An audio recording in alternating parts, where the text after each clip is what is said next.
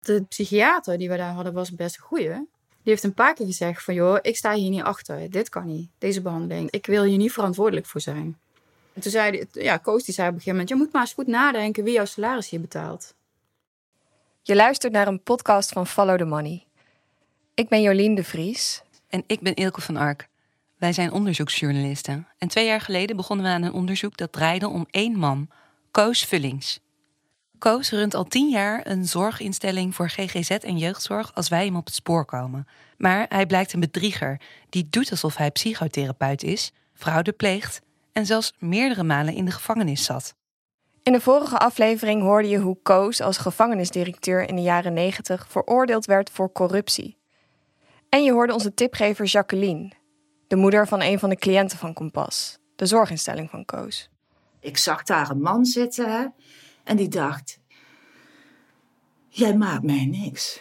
Weet je, uh, jij kunt mij niks maken. En toen dacht ik: Dit is gewoon gevaarlijk. Jij kan mij niks maken. En daarin heeft Koos ergens gelijk, want hij kan al tien jaar lang zijn gang gaan. Hoe kan dat? Al tien jaar lang zijn kwetsbare jonge mensen aan Koos overgeleverd. Wat heeft hij in die tijd aangericht? Toen we in april 2021 verhalen begonnen te schrijven over Koos en zijn bedrijf, kwam er een golf van reacties op ons af. Tientallen jonge mensen namen contact op. En allemaal hadden ze ervaring met de instelling van Koos. Ja, weet je hoeveel reacties we nou in totaal hebben gekregen? Ja, veel. Even kijken hoor. We hebben dat allemaal in de map gezet. Ja, we hebben natuurlijk sowieso, we hebben iedereen uh, erin gezet waar we mee hebben, echt hebben gesproken, uitgebreid. Maar volgens mij hebben we nog veel meer. Uh... Tientallen staan hier alleen al in die we echt helemaal hebben uitgewerkt. Dit is wat iemand dan bijvoorbeeld schrijft. Ik ben momenteel sinds augustus 2018 in behandeling bij Kompas en kan vertellen dat er wel meer niet deugt dan alleen bij Koos, maar ook bij de psychiaters. Ja, en hier ook een mailtje van een medewerker, zie ik. Die mailt gelijk als uh, zorgverlener. Heb ik in 2015 een project afgeblazen wat in volle gang was in de Ardennen voor Kompas. En het bleef maar doorgaan. Ja, en dan die week daarna blijft het eigenlijk doorstromen. Hè? Die dinsdag. Ja, mijn zoon en ik hebben recentelijk ook een nare ervaring met coachvullings en kompas. Ja. Ja, ik heb ook echt uren aan de telefoon gezeten met allemaal mensen toen. Dat kan ik me goed herinneren. Ja. Nog nooit hadden we zoveel reacties gehad op één onderzoek. In deze aflevering ga je horen hoe Koos zijn cliënten behandelde. Eén verhaal sprong eruit. Een paar mensen noemden de naam van een jonge vrouw. Een meisje met donkere krullen en grote, stralende ogen. Heel lief meisje, hele grote dierenliefhebber, heel erg creatief. In de podcast noemen we dit meisje Iris. Dat is niet haar echte naam. Iris was heel ziek. Ze had een ernstige vorm van anorexia. Maar Koos zou haar gaan helpen. Hij zei dat het goed ging en dat hij vooruitgang boekte met haar. Het liep anders. Iris leeft niet meer. Maar hoe ze is overleden, wist bijna niemand. Ze was er gewoon opeens niet meer. En daarna is er nooit over gepraat. Vooraf een waarschuwing. In deze aflevering hoor je mensen vertellen over eetstoornissen en grensoverschrijdend gedrag. Je luistert naar De Wetten van Koos, aflevering 4. Alle vrouwen hebben borderline.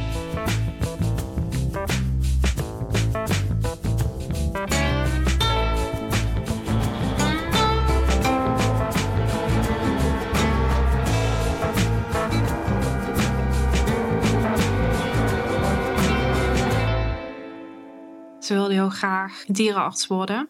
Je zag haar altijd opfleuren uh, als er dieren waren. Ja, heel erg creatief. Tekenen en coloring for adults, die boek had ze altijd. En ja, wanneer ze over haar hobby's kon praten, dan leefde ze echt op. Dit is Anna. En het creatieve, vriendelijke meisje waar ze het over heeft, is Iris. Anna reageerde meteen toen we ons eerste artikel over Koos publiceerden. Dat was in april 2021. Eh, meteen in, uh, in die eerste periode uh, nam Anna ook contact met ons op. Ze liet haar telefoonnummer achter. En ik weet dat ik haar toen gebeld heb die avond. En dat we toen ook echt ja, meteen twee uur ook aan de telefoon hebben gehangen. Weet je nog wat ze zei? Ja, dat, ik heb hier ook een, eh, een verslag van gemaakt. Anna verbleef vanaf haar zestiende ongeveer vijf jaar bij Kompas. We hebben uren met haar gepraat over de dingen die ze daar heeft meegemaakt. Echt een lang verslag, hè? Ja, alles staat hierin. Kijk, ze, is, eh, eh, ze heeft eh, een eh, diagnose gekregen, daar vertelt over. Eh, en dit is ook, eh, ja, dit, dit was. Hier zie je ook dat ze meteen al over Iris eh, begint. Ja.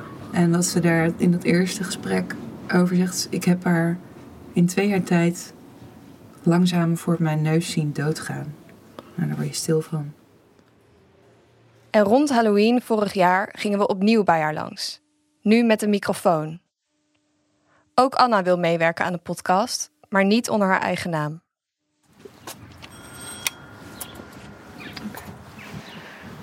Kleine pompoentjes. En een, eh, een rat. En niet een echte. Hallo. Hi, wat heb je het hier ontzettend mooi eh, versierd. Ja, dankjewel. Hi, hoe is het? Goed, en jullie? Ja, heel goed. Hi. Hoi. Zo, dat is heel wat anders dan de vorige keer, hè? Ja, klopt. Iedere cliënt bij Kompas heeft een eigen verhaal. Zoals alle mensen die in de jeugdzorg of de GGZ terechtkomen. Ze hebben vaak last van de stigma dat daarbij hoort. Als je in een instelling terechtkomt, ben je vast onhandelbaar of niet goed wijs. Maar aan de mensen die wij spreken is niets vreemds te ontdekken. Als iets opvalt, is het juist dat ze zo veerkrachtig en sterk zijn. Ze hebben alleen hele nare dingen meegemaakt. En dat geldt ook voor Anna. Vanaf mijn vijfde, zesde, toen begon ik al heel erg somberder te worden, heel erg teruggetrokken. Als kind overkwam Anna iets heel ergs. Ze wil niet met de wereld delen wat, maar het liet een trauma na. Toen had ik uiteindelijk op de basisschool tegen mijn meester gezegd van dat ik gewoon ja, dood wilde. School grijpt in en Anna begint met therapie. Na een poosje wordt ze verwezen naar een psychiater. Maar het schiet niet op. Ook omdat Anna's thuissituatie niet veilig is. Ik wilde eigenlijk alles aanpakken om niet thuis te wonen. Anna kan voor haar behandeling naar Kompas, zegt de psychiater. Ze komt terecht in een van de Kompashuizen. Ja, dat is eigenlijk een huis waar meerdere jongeren dan wonen. Als je op dat moment niet in je, ja, bij je ouders of bij familieleden of wat dan ook, dat je daar niet kunt functioneren. Dus dan heb je een kans om ja, in een huis te wonen waar je dan dagelijks begeleiding krijgt. In de Kompashuizen leren jongeren om zelfstandig te leven. Volgens de methode die Koos heeft bedacht. Over die methode van Koos vertelde medewerker Linda ons ook al. Jongeren konden terecht in huizen van Kompas, waar ze in fases leren om zelfstandig te worden. We hebben al een paar van die huizen gezien, maar we nemen ook nog een kijkje bij wat binnen Kompas bekend stond als het Meidenhuis. Het ziet er heel kaal uit binnen. Kijk even door het raam. Ja, we kunnen bij de buren aanbellen. Ja, het lijkt een soort van... Een stapelbed daarboven. Dat, ja. Ja. Het heeft Er is ook geen bel. Er is geen ingang te vinden bij het huis, dus we bellen aan bij de buren. Hallo. Hallo. Hallo. Dag. Goedendag. De buurman kent Kompas wel. Nee, de, de naam Kompas. Zorginstelling Kompas. Ja, die ken ik. Ja. Ehm er zit een kompas, ja. Die Ja. zitten daar. En, en, die, en heeft daar dus, eh, ja, die zet daar dus eh, zo regelmatig eh jongelui in die resocialiseren, zoals het zo mooi heet. Ja. In het Meidenhuis zitten jonge vrouwelijke cliënten die al iets zelfstandiger zijn dan de nieuwkomers. Ze hebben minder begeleiding nodig. Ik vermoed, ja, daar heb je het weer, eh, vier tot zes eh, inwonenden. Oké. Ja, en een paar jonge meisjes, ja, ja. Ja, en eh, een wat oudere man, dacht ik. Oké. En eh, ja, en ja, wisselend publiek. Dit meidenhuis is waar Anna uiteindelijk terecht zal komen. En waar je zo meteen meer over gaat horen. Maar eerst woont Anna in een ander huis van Kompas. Een huis waar in theorie veel begeleiding zou moeten zijn. Maar in de praktijk is die er amper. Zij herinnert zich dat ze er erg aan moest wennen. Ik wist niet hoe heftig dat zou kunnen zijn om met iemand te leven die actief aan het afkicken is. En dat krijg je ook allemaal mee. Anna's huisgenoten hebben de meest uiteenlopende psychische problemen, vertelt ze. En sommigen vertonen heftig gedrag. Rare geluiden maken, uh, zichzelf proberen open te krabben, uh, op deuren bonken, seksueel overschrijdend gedrag. Ja, ik voelde me niet veilig en andere mensen voelden zich niet veilig. Het klinkt als een chaotische situatie. Maar er zijn lichtpuntjes. Want Anna leert in dat eerste huis ook Iris kennen. En we horen aan de manier waarop ze over Iris praat dat Anna echt een klik met haar had. Uh, daar heb ik haar leren kennen en heel af en toe was ze ook op de dagbesteding. Heel lief meisje. Iris, het meisje met de bruine krullen. Ze heeft dus ernstige anorexia en krijgt in het begin niet alleen zorg bij Kompas, maar ook nog bij een speciale kliniek voor eetstoornissen. Ik zag haar op het begin niet heel vaak, omdat zij dus ook altijd weg was of teruggetrokken. Maar op de ja, momenten dat ik haar zag, dan had ik altijd zo'n goede klik met haar. Iris is er dus soms wel en soms niet. Koos lijkt het te zien als een soort samenwerking. Maar hij vindt dat de eetstoorniskliniek het allemaal niet goed aanpakt. Hij noemde dat altijd een eetkliniek. Um, vond hij niet per se de juiste hulp voor haar. Um, daar was hij altijd heel open over. Van dat hij uh, aan het proberen te regelen was dat zij gedeeltelijk bij Kompas kon zijn en gedeeltelijk bij die eetkliniek. Om de behandelingen samen te koppelen. Na een tijdje stopt Iris met haar behandeling bij de eetstoorniskliniek. Ze gaat helemaal bij Kompas wonen. Bij Anna in het meidenhuis. Daar zitten een paar andere meisjes en er is weinig begeleiding. Is Iris daar wel klaar voor? vraagt Anna zich af. Wat maakt het dat Koos vertrouwen heeft dat ze zelfstandig over haar eetpatroon kan? In hoeverre is het ook veilig voor haarzelf? Ja, maar dan werd er altijd gezegd van ja, daar moet je niet mee bemoeien. Daar moet je je niet mee bemoeien. Want Koos weet het allemaal veel beter. Alleen Koos doet maar wat, weten we inmiddels. En nu heeft hij het lot van een ernstig zieke Iris in handen. Voor we verder gaan, moeten we hier even bij stilstaan. Toen we het verhaal van Iris op het spoor kwamen, twijfelden we of we er iets over moesten schrijven.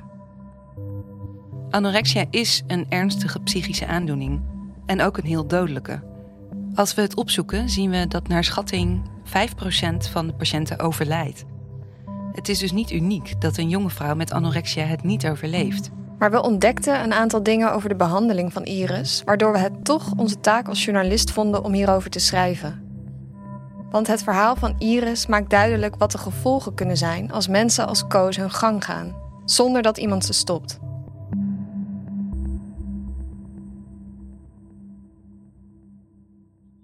Vanaf het begin speelt Koos een centrale rol bij de behandeling van Iris. Hij heeft een heel eigen kijk op haar eetstoornis. Dat merkt Linda, die je hoorde in aflevering 2. Linda werkte bij Kompas in dezelfde periode dat Iris daar was. Het is gewoon aanstellerij, zei hij. En het is een soort verslaving vanuit haar borderline. En het is een vorm van aandacht. Dus uh, hoe meer aandacht je daaraan geeft, uh, hoe slechter het gaat. Dus dat gaan we niet doen. De oorzaak van Iris' eetstoornis is borderline, zegt Koos dus. Dat is een psychiatrische aandoening waarbij mensen last hebben van extreme en onvoorspelbare stemmingswisselingen. Het komt niet vaak voor, borderline. Zo'n 1 à 2 procent van de mensen lijdt eraan. Waarom Koos zegt dat de anorexia van Iris door borderline zou komen, is voor ons niet duidelijk. We vragen aan Linda hoe de diagnoses bij Kompas eigenlijk tot stand komen. Nou, wat ik meekreeg is dat de diagnostiek daar eigenlijk niet behoorlijk werd gedaan. Dat werd bij, bij de kinderafdeling wel gedaan, maar bij de volwassenen bijna niet hoor. Ook die Ardennen-cliënten, die gingen mee naar de Ardennen uh, met een busje. En die kwamen terug met een diagnose. Zonder echt een uh, persoonlijkheidsonderzoek, wat dan ook. Koos is degene die bij Kompas voortdurend diagnoses stelt. Horen we van Linda en meerdere oud-medewerkers. Als ik kijk naar mijn huidige werkgever en eerdere werkgevers, er komt heel wat bij kijken. En bij Kompas kwamen mensen een kwartiertje bij de psychiater. En zij koos wat ze hadden en dat was het dan. Hij had het wel bekeken. Ze hebben dit en dat. Ja. We weten dat Koos niet echt psychotherapeut is. En zonder diploma mag hij dat helemaal niet doen, diagnose stellen. Het is ook nogal afwijkend van hoe het normaal gebeurt. Ja, normaal worden er uitgebreide testen en interviews afgenomen. En verschillende zorgprofessionals bemoeien zich hiermee. Een psychiater of een psycholoog stelt uiteindelijk de diagnose op basis van dat hele proces. Maar bij Kompas kan Koos zelf diagnose stellen. Alleen daar heeft hij wel medewerking van een psychiater voor nodig. Daarvan had Kompas er een paar. Hoe kan het dat die mensen daarin meegingen? Ja, Linda snapt het ook niet. Zeker niet als het gaat om de psychiater van Iris. Waarom hij zich zo liet sturen en manipuleren is mij echt een raadsel. En het wordt nog vreemder als we ontdekken dat Koos bij het stellen van diagnoses teruggrijpt op een oude overtuiging. Een uit zijn gevangenistijd. Zijn oud-collega Ton Daans vertelde er in de vorige aflevering over. Hij behandelde zijn secretaresse uh, die, waar hij ook mee naar, naar bed ging. Uh, wat zou zij hebben, volgens hem? Oh, de, alle vrouwen hadden borderline. Dus uh, dat. en zij ook. Zoals ook alle vrouwelijke personeelsleden in de penitentiaire inrichting daaraan leden. Koos was al in de jaren 90 van mening dat alle vrouwen aan de persoonlijkheidsstoornis borderline lijden. Alle vrouwen hadden borderline. En dit gelooft hij nog steeds, horen we van veel mensen. Ook van Linda. Nou, volgens hem hebben alle vrouwen borderline. Alleen bij de ene is het wat erger dan bij de andere. Ja, bij de ene is het wat meer zichtbaar. En zijn theorie uh, bij een aantal gezinnen was... Uh, als die vrouwen seks tekort komen, dan komt het helemaal naar boven. Dan gaan ze aandacht lopen vragen. Alle vrouwen hebben borderline. Een bizarre opvatting. Maar het is niet de enige vreemde opvatting van Koos over vrouwen. En dat is ook iets dat Anna meekrijgt in haar periode bij Kompas. Medewerkers hoorden dat Koos gewoon echt heel seksistisch was. Dat zelfs medewerkers daar het over hadden. Maar dat je dat niet tegen Koos kon zeggen, want ja, dan had je een probleem. Koos schroomt niet om commentaar te geven op zijn jonge vrouwelijke cliënten, vertelt Anna. Als je voller was, dan liet Koos dat ook al aan je merken. Nou, je hebt alweer een aantal toetjes gehad, hè? Weet je, dat soort opmerkingen. En als je ergens een hele sterke mening over had, dan uh, was het weer een borderline ding. En Linda hoort dat Koos zelfs seksueel getinte opmerkingen maakt richting cliënten. Hij is heel ongepast, maar ook naar cliënten. Ik had een meisje die, die vertelde dat ook. Die zeiden tegen mij, nou, Koos die zat mee te eten. En die maakte opmerkingen tegen die meiden, seksuele opmerkingen. En dat ze lekker uitzagen en dat ze eens een keer goed genomen moesten worden. En dat, uh, dat ze dat vast wel tekort waren gekomen. Maar niemand durfde daar wat van te zeggen. Hoe oud waren die cliënten? Dit meisje was 16. En dat meisje had een misbruikverleden. En dat weet hij natuurlijk ook. Natuurlijk weet hij dat. Want hij gaf dat meisje zelf uh, therapie. Zo respectloos kan Koos met zijn cliënten omgaan. Tientallen mensen vertellen erover. En we horen het zelf ook. In de loop van ons onderzoek krijgen we een heel bijzondere opname toegespeeld. Een voormalig cliënt die ons benadert heeft een gesprek opgenomen dat zij met Koos had. Het is de zomer van 2018. Op dat moment is Koos net weer op vrije voeten na zijn celstraf voor stalking. Goedemorgen. Het gesprek zou over de behandeling van de cliënt moeten gaan. Maar Koos praat de helft van de tijd over zichzelf en over andere cliënten. Onder andere over Iris. Ik moet eerst even wat technisch doen. Met een uh, templates. Uh, ja, dat is een, een cliënte van mij. Daar moet ik eigenlijk heen, maar die zit in uh, Arnhem. Een cliënte van mij. Dit gaat over Iris, horen we even later in de opname. Koos had op hetzelfde moment blijkbaar een afspraak met haar, maar die zegt hij af via WhatsApp. En dan volgt een gesprek waarin Koos op nonchalante toon allerlei gevoelige details over Iris bespreekt met de andere cliënt. Die heeft elke eetkliniek, of ik dan noem niet eetkliniek gehad. En die, daar ben ik dan mee bezig. En uh, uh, Ik zal straks foto laten zien, dan schrik je echt hoor. Het is wat moeilijk verstaanbaar, maar Koos zegt hier: Ik zal je straks foto's laten zien. Dan schrik je echt hoor. En dat doet hij even later ook, op zijn telefoon. Kijk, die ziet in de auto eventjes. Ziet er nu niet zo uit, maar toen ze 30 kilo was, zag ze er zo uit. En dan schrik je toch hoor. Kijken, was het van een tijdje geleden. Dus die zat in het ziekenhuis ook al helemaal op de zondevoeding. En nu ben ik ze met flesjes bezig. En in het begin, dan moest ik er echt bij zitten. En dan wilden ze dat wel doen. Koos kan het niet laten om te vertellen dat het dankzij hem nu beter gaat met Iris. Iedereen vindt het zo heftig dat andere, andere medewerkers het eigenlijk hebben opgegeven. En met, en met haar heb ik wel een traject. Ze komt wel heel eind hoor. Ik heb, er al, ik heb ze van 30 naar 35 kilo gekregen. Moet ze naar minstens 40 kilo krijgen.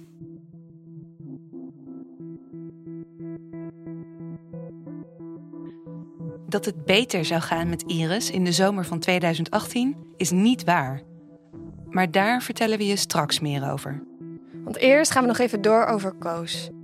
De mate waarin Koos zich binnen Kompas kan misdragen is moeilijk voorstelbaar.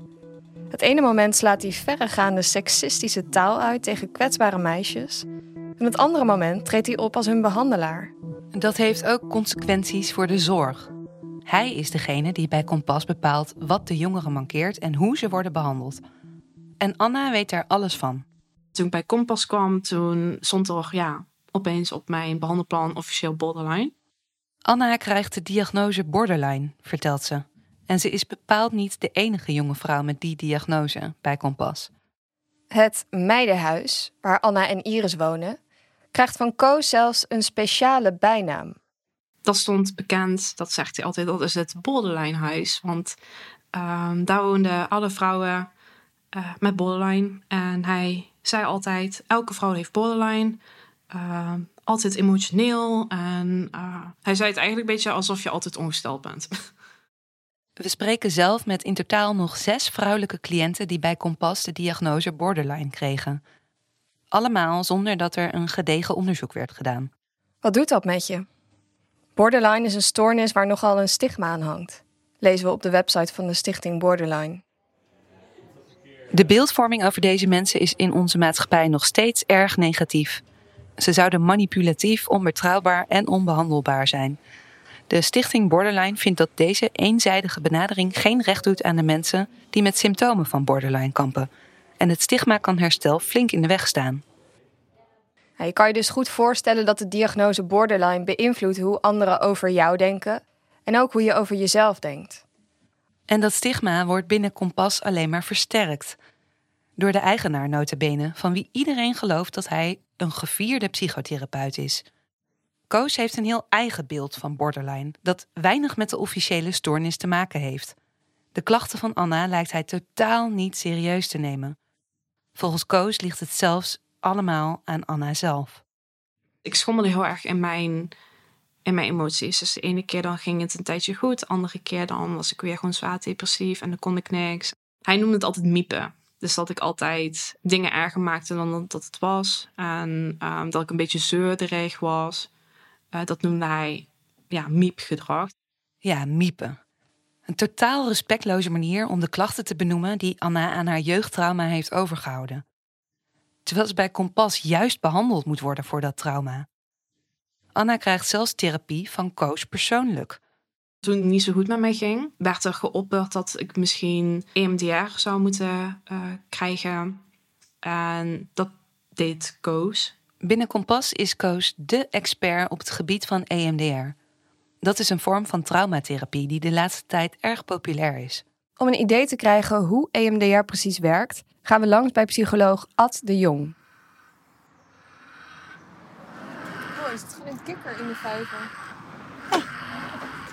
Ja, daar zijn ze. Hallo. Hi, hallo. Jolien. Hi, Jolien. Hoi, Hi. Ilke. Dag Ilke. Kom verder. We hoorden net maar kikker in de vijver. Ja, dat zijn uh, tropische kikkers. Tropische kikkers? Ja, en die zijn gevaarlijk voor reigers. Die, uh, dat is een of andere geluidstape in.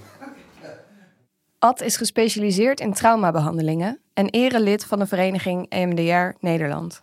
Hij legt uit wat het doel is van deze therapie. EMDR is een behandelmethode om uh, nare herinneringen kwijt te raken. Heel vaak wordt het toegepast voor posttraumatische stressstoornissen, waar mensen zijn verkracht of uh, ongelukken hebben meegemaakt. Dat doe je door te vragen van, hey, denk heel stevig aan die herinnering. En ik zal je tegelijkertijd proberen af te leiden met mijn vingers, die zo snel mogelijk voor je gezicht heen en weer gaan. En door dit soort bewegingen van de therapeut verdwijnt, als het goed is, de emotionele lading van de herinnering. Dan vindt er een, als het ware een soort competitie plaats tussen die herinnering die je in je hersenen moet houden hè, en uh, het volgen van de vingers. Die herinnering die wordt vager, minder emotioneel. Een EMDR-therapeut helpt mensen om de heftigste ervaringen uit hun leven te verwerken. Een goede opleiding is belangrijk, zou je denken. Maar in de praktijk kan iedereen aan de slag als EMDR-therapeut. Je kan je als patatbakker gewoon aanmelden bij een cursus. Een eendaagse cursus EMDR uh, volgen. Dan ben je EMDR-therapeut. Zo mag je ook gewoon noemen dan? Ja, want het is een onbeschermde titel. Dat Koos zichzelf EMDR-therapeut noemt, mag dus gewoon. Maar dat betekent niet dat hij weet wat hij doet. Ondertussen heeft hij als therapeut veel impact op zijn cliënten. Die zien jou als een soort god natuurlijk. Want jij bent hun aan het behandelen. En ze zijn helemaal afhankelijk van jou of je ze beter maakt of niet. Is er nog perspectief in mijn leven of niet? Terug naar Anna. Als zij begint aan de therapie van Koos, is haar grootste vraag: gaat hij me helpen? Um, hij legde een beetje dus eerst uit van hoe het werkte. Maar na twee sessies had Koos het afgekapt, want hij zei dat het bij mij niet werkte. En toch, vertelt Anna ons, krijgt ze weer hoop. Koos komt namelijk met iets nieuws. Het klinkt veelbelovend. Uh, omgekeerde EMDR. Ik had er nog nooit van gehoord, maar hij zei van dat het uh, iets nieuws was en dat het effectiever zou zijn. En dat het mij zou helpen om meer in de toekomst gericht zou zijn in plaats van in het verleden hangen. En het klinkt echt heel dom allemaal achteraf, maar ik had iets van: het zou helpen. Hij zou niet voor niets een baas zijn van een instelling. Wat is omgekeerde EMDR? We krijgen van cliënten behandelplannen doorgestuurd waarin Koos deze therapie beschrijft. Er staan allerlei professioneel klinkende termen in. We leggen het voor aan Ad.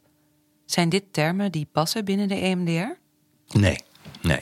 Dat is niet iets wat je binnen EMDR toepast. Althans niet uh, de EMDR die uh, officieel uh, zo heet. Denkt u dat dat uh, nog een positief effect kan hebben? Of is dit kwakzalverij? Nou ja, je weet niet of het een positief effect heeft. Het zal van de persoon afhangen of daar, wat daar gebeurt in het hoofd. Het lijkt erop dat Koos deze omgekeerde EMDR zelf heeft bedacht. We spreken met in totaal drie cliënten die EMDR van Koos zelf kregen. Geen van hen had er baat bij. Eén meisje vertelt dat ze een epileptische aanval kreeg tijdens een behandeling. Een ander kreeg blackouts en kan zich zelfs helemaal niets herinneren van wat er in de sessies gebeurde. Als we het voorleggen aan therapeut Ad, zegt hij dat de werkwijze van Koos bijzonder onprofessioneel op hem overkomt. Uit alles blijkt dat het geen uh, therapeut is zoals je dat zou verwachten van een therapeut die in ieder geval uh, een registratie heeft of een, een opleiding heeft gevolgd als therapeut. Eén voorbeeld daarvan is hoe Koos abrupt stopt met de behandelingen. Zoals hij ook bij Anna deed. Zie je dus dat mensen, als ze in therapie zijn, vaak de schuld krijgen als een therapie niet werkt. Dat is ook onprofessioneel. Maar dus dat je zegt van ja, het heeft niet gewerkt omdat jij minder goed je best deed. Of uh, het werkt altijd, maar bij jou dan weer niet. Ja, mensen kunnen daardoor het gevoel krijgen dat ze weer mislukken. Koos stond er ook een beetje bekend voor dat hij zijn afspraken niet nakomt of verzetten. En uh, toen ik een keer vroeg van hoe, uh, ja, wanneer we het weer zouden inplannen, toen zei hij van ja, het heeft geen zin. ja. We zijn terug bij Anna. De behandelingen van Koos slaan niet aan en Anna krijgt het gevoel dat het haar eigen schuld is. Koos vertelt haar dat ze haar trauma's gewoon moet loslaten. Ik kreeg een beetje te horen van ja, als je het niet loslaat, dan word je een permanent psychiatrisch patiëntje. Dan kom je in een gesloten afdeling en dat is de rest van je leven. Deze manier waarop Koos met Anna omgaat, laat diepe sporen na. Ze vertelt ons dat hij haar zeurderig noemde en dat ze miepgedrag vertoont. En de EMDR heeft volgens Koos bij haar geen zin. Wat voor effect had dat op jou? Ik voelde gewoon niks meer. Ehm, en als ik het voelde, dan werd het gewoon zo te pijnlijk, te, eh, te veel, dat ik uiteindelijk niet meer eens wist van waar komt dit van vandaan? Ja, daar strafte ik mezelf gewoon voor. Je gaf jezelf de schuld daarvan. Ja. Ik wilde hem niet teleurstellen. Anna is bang. Bang dat Koos gelijk krijgt. En dat ze de rest van haar leven in een gesloten inrichting moet doorbrengen. Ja, ik hoorde gewoon nog steeds gewoon hem zeggen van... als ik dit do- doorzet, dan word ik niet beter. Dan ga ik naar een gesloten inrichting. En uiteindelijk dacht ik van... misschien is dat ook wel mijn lot. Misschien is het waar dat ik een permanent psychiatrisch patiënt ben.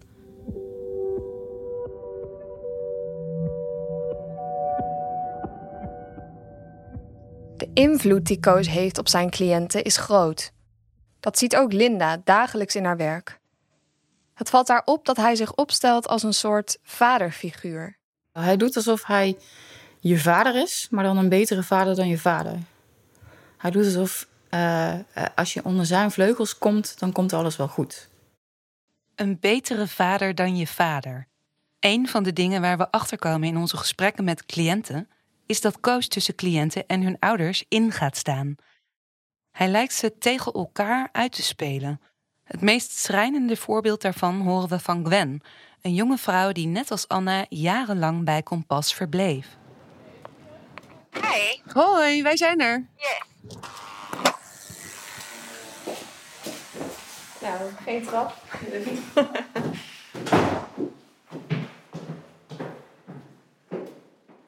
Gwen wil niet met haar stem in de podcast, maar ze heeft uitgebreid haar verhaal gedaan. Toen ze ons eerste artikel over Koos las, schrok ze. Daarin staat een uitspraak van Koos over meisjes met borderline. Die noemde hij meesteressen in de manipulatie. En Gwen kon het hem gewoon zo horen zeggen, vertelt ze aan ons. En ze vertelt ons nog veel meer. Eén anekdote vinden we belangrijk om met je te delen. Net als Anna kwam Gwen terecht in een chaotisch huis van Kompas. Daar werd ze lastiggevallen door een jonge man met een verslaving. Ze voelde zich zo onveilig dat ze terug naar huis ging, naar haar moeder.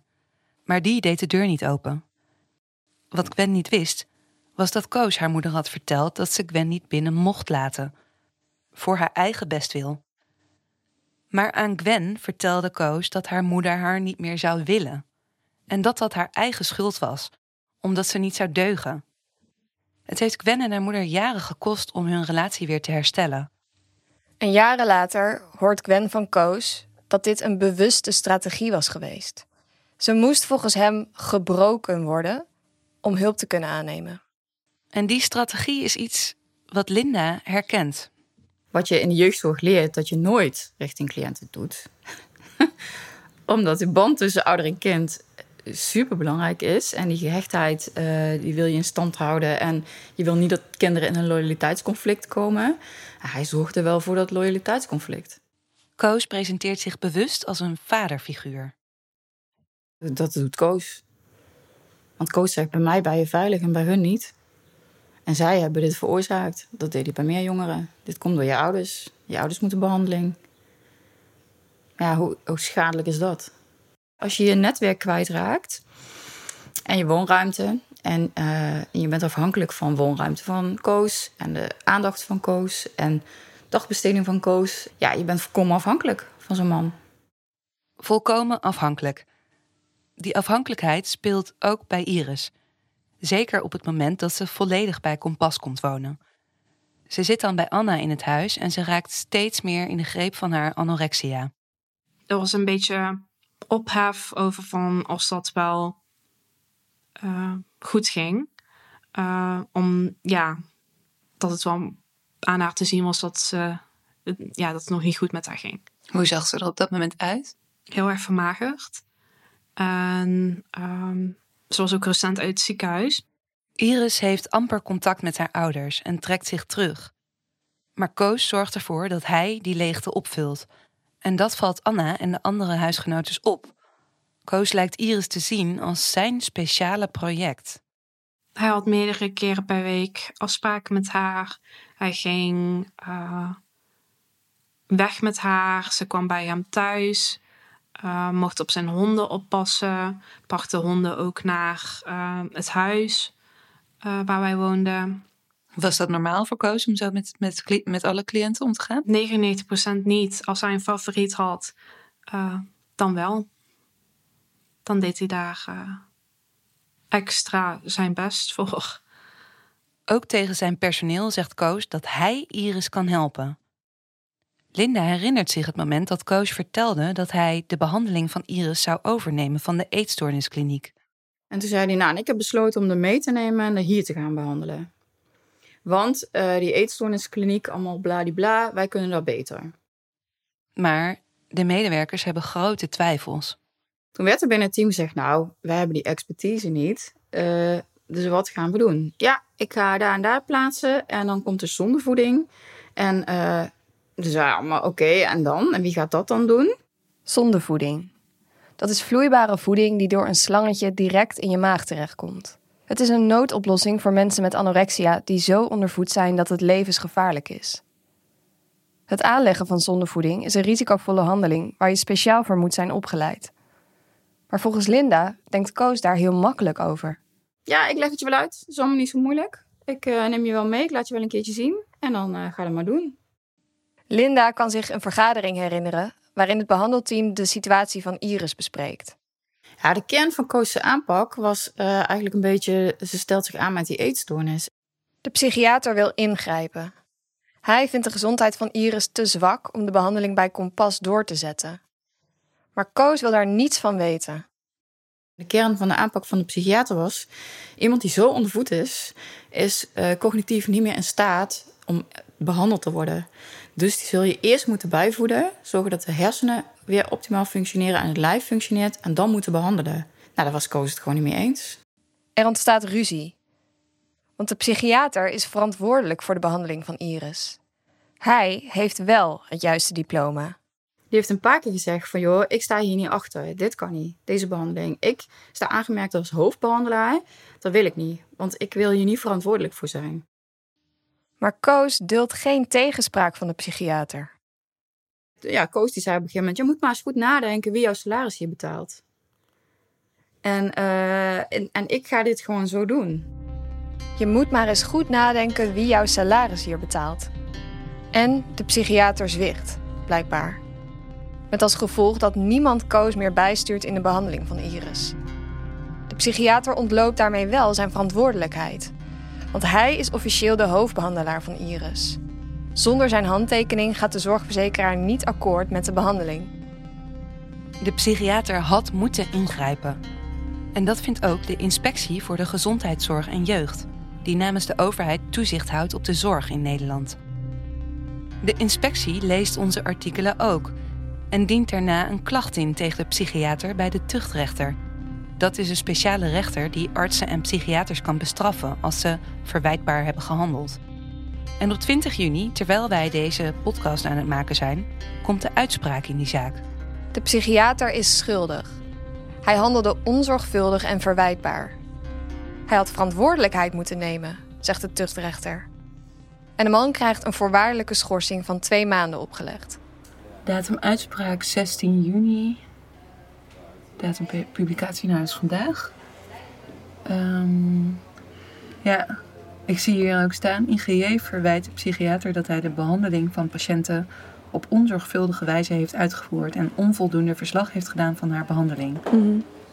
Het college, dus de tuchtrechter in dit geval, komt tot het oordeel dat de psychiater bij de behandeling van de patiënten tuchtrechtelijk verwijtbaar heeft gehandeld en dat de klacht gegrond is. Jeetje. Zegt ze nog iets over. Heb jij een beetje gekeken of hij zelf nog uh, aan het woord komt? Ja, hij ontkent het ook niet. De psychiater erkent dat de behandeling van patiënten niet correct is verlopen. Het spijt de psychiater dat hij zich te afwachtend heeft opgesteld. Hij had ervoor moeten zorgen dat hij geïnformeerd werd en regie moeten voeren. Dus hij zegt eigenlijk, ik was niet helemaal goed op de hoogte van die behandeling die dan plaatsvond. Ik stond er een beetje op afstand. Maar eigenlijk zegt uh, de tuchtrechter van ja, je had gewoon zelf moeten zorgen dat je betrokken was. Want dat is jouw verantwoordelijkheid. Jij moet op de hoogte zijn en ingrijpen als het misgaat. Dat de psychiater Koos zijn gang laat gaan, heeft grote gevolgen. In de uitspraak van de tuchtrechter staat dat Iris in de anderhalf jaar dat ze bij Kompas verblijft, 15 kilo afvalt. En toen ze er kwam wonen, had ze al ernstig ondergewicht. Hoe kan het dat helemaal niemand ingrijpt? Had ik harder aan de bel moeten trekken? Had ik meer moeten doen? Hadden we als team meer moeten doen? Uh, weet je, op dat moment, als je terugredeneert, denk je, ja, we zijn er tegenin gegaan, we hebben er wel van gezegd, maar hadden we, hè, het roept bij me op van, had ik er toe moeten rijden? En niemand ziet zo'n meisje verder, behalve de jonge meiden die af en toe op die groepen komen en die trekken wel aan de bel, maar ga maar eens tegen zo'n man in, als je jong bent. Hij is gewoon de baas ook, hè? En hij doet het overkomen alsof hij het allemaal wel weet. Koos doet voorkomen alsof hij alles onder controle heeft. En alsof Iris aan de beterende hand zou zijn. Ook tegenover Anna en de andere huisgenotes in het meidenhuis. Hij zei dat het goed ging. En dat hij vooruitgang boekte met haar. Maar zij zien iets heel anders. Uh, terwijl wij dan s'avonds hoorde dat de zondevoeding uit het apparaat werd gehaald, want dan hoor je dat gepiep. Iris saboteert haar zondevoeding. Het gepiep van het apparaat is in de rest van het huis hoorbaar. Iedere dag ziet Anna Iris verder aftakelen. Het was heel erg ingrijpend, omdat ja, ze zat zo diep in haar eetstoornis dat zij heel langzaam praatte. Alles kostte energie.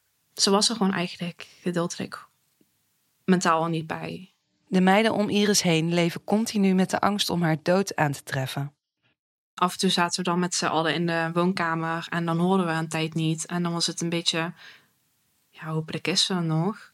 Dan wist je gewoon niet, als je de deur open zou doen, als ze nog ademde. De... Ja die meiden daaromheen kregen dat allemaal mee, hè, hoe dat ging. En die waren allemaal van slag en aan het huilen en verdrietig. En ik denk, dat, dat, dat kan je gewoon niet maken. In deze periode vertrekt Linda bij Kompas. Ze mag van Koos geen contact meer opnemen met cliënten of collega's. Dus ze krijgt ook niet mee hoe het afloopt met Iris. Dat hoort ze pas jaren later. Van ons. En toen ben ik bij jullie uh, op kantoor geweest voor een gesprek. En toen hoorde ik voor het eerst dat zij was overleden. Ja, dat vond ik wel heel heftig.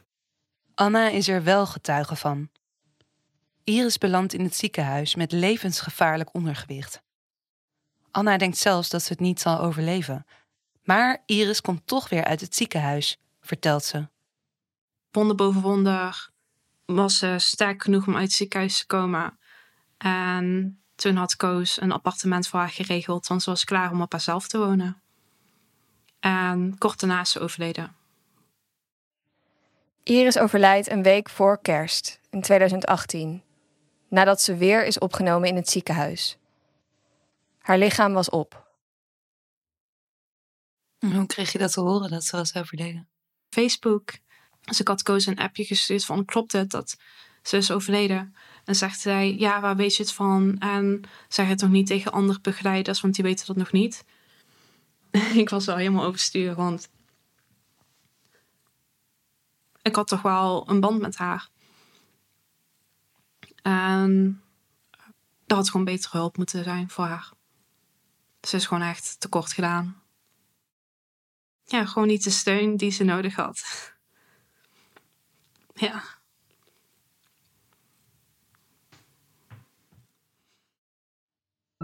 Als Iris is overleden, volgt er geen herdenking bij Kompas.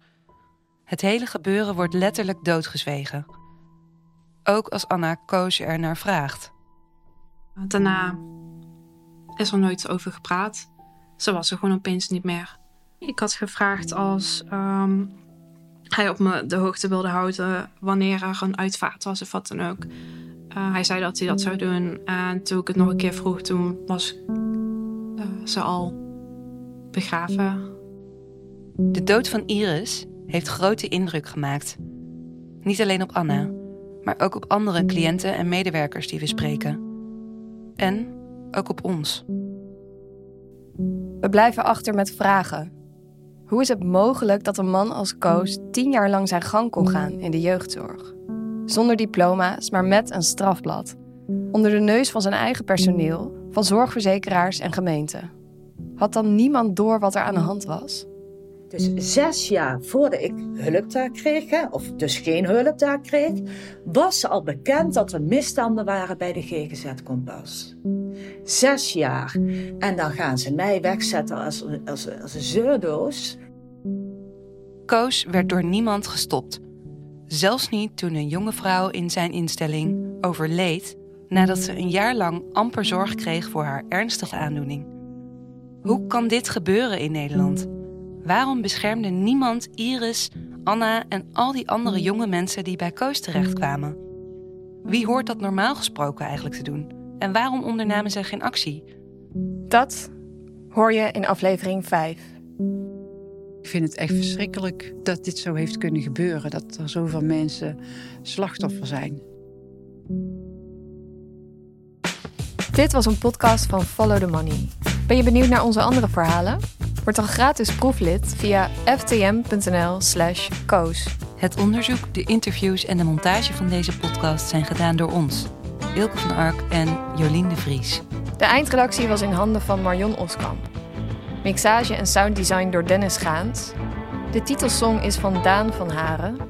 Art direction door Helene Emanuel. Ontwerp door Roy Abink. En development door Jorik van Essen en Richard Jong. Verder willen we de volgende collega's bedanken voor hun hulp bij het tot stand komen van deze podcast. Sophie Blok, Sophie Stadhouders, Jan-Willem Sanders en Harry Lensing. En jij, bedankt voor het luisteren.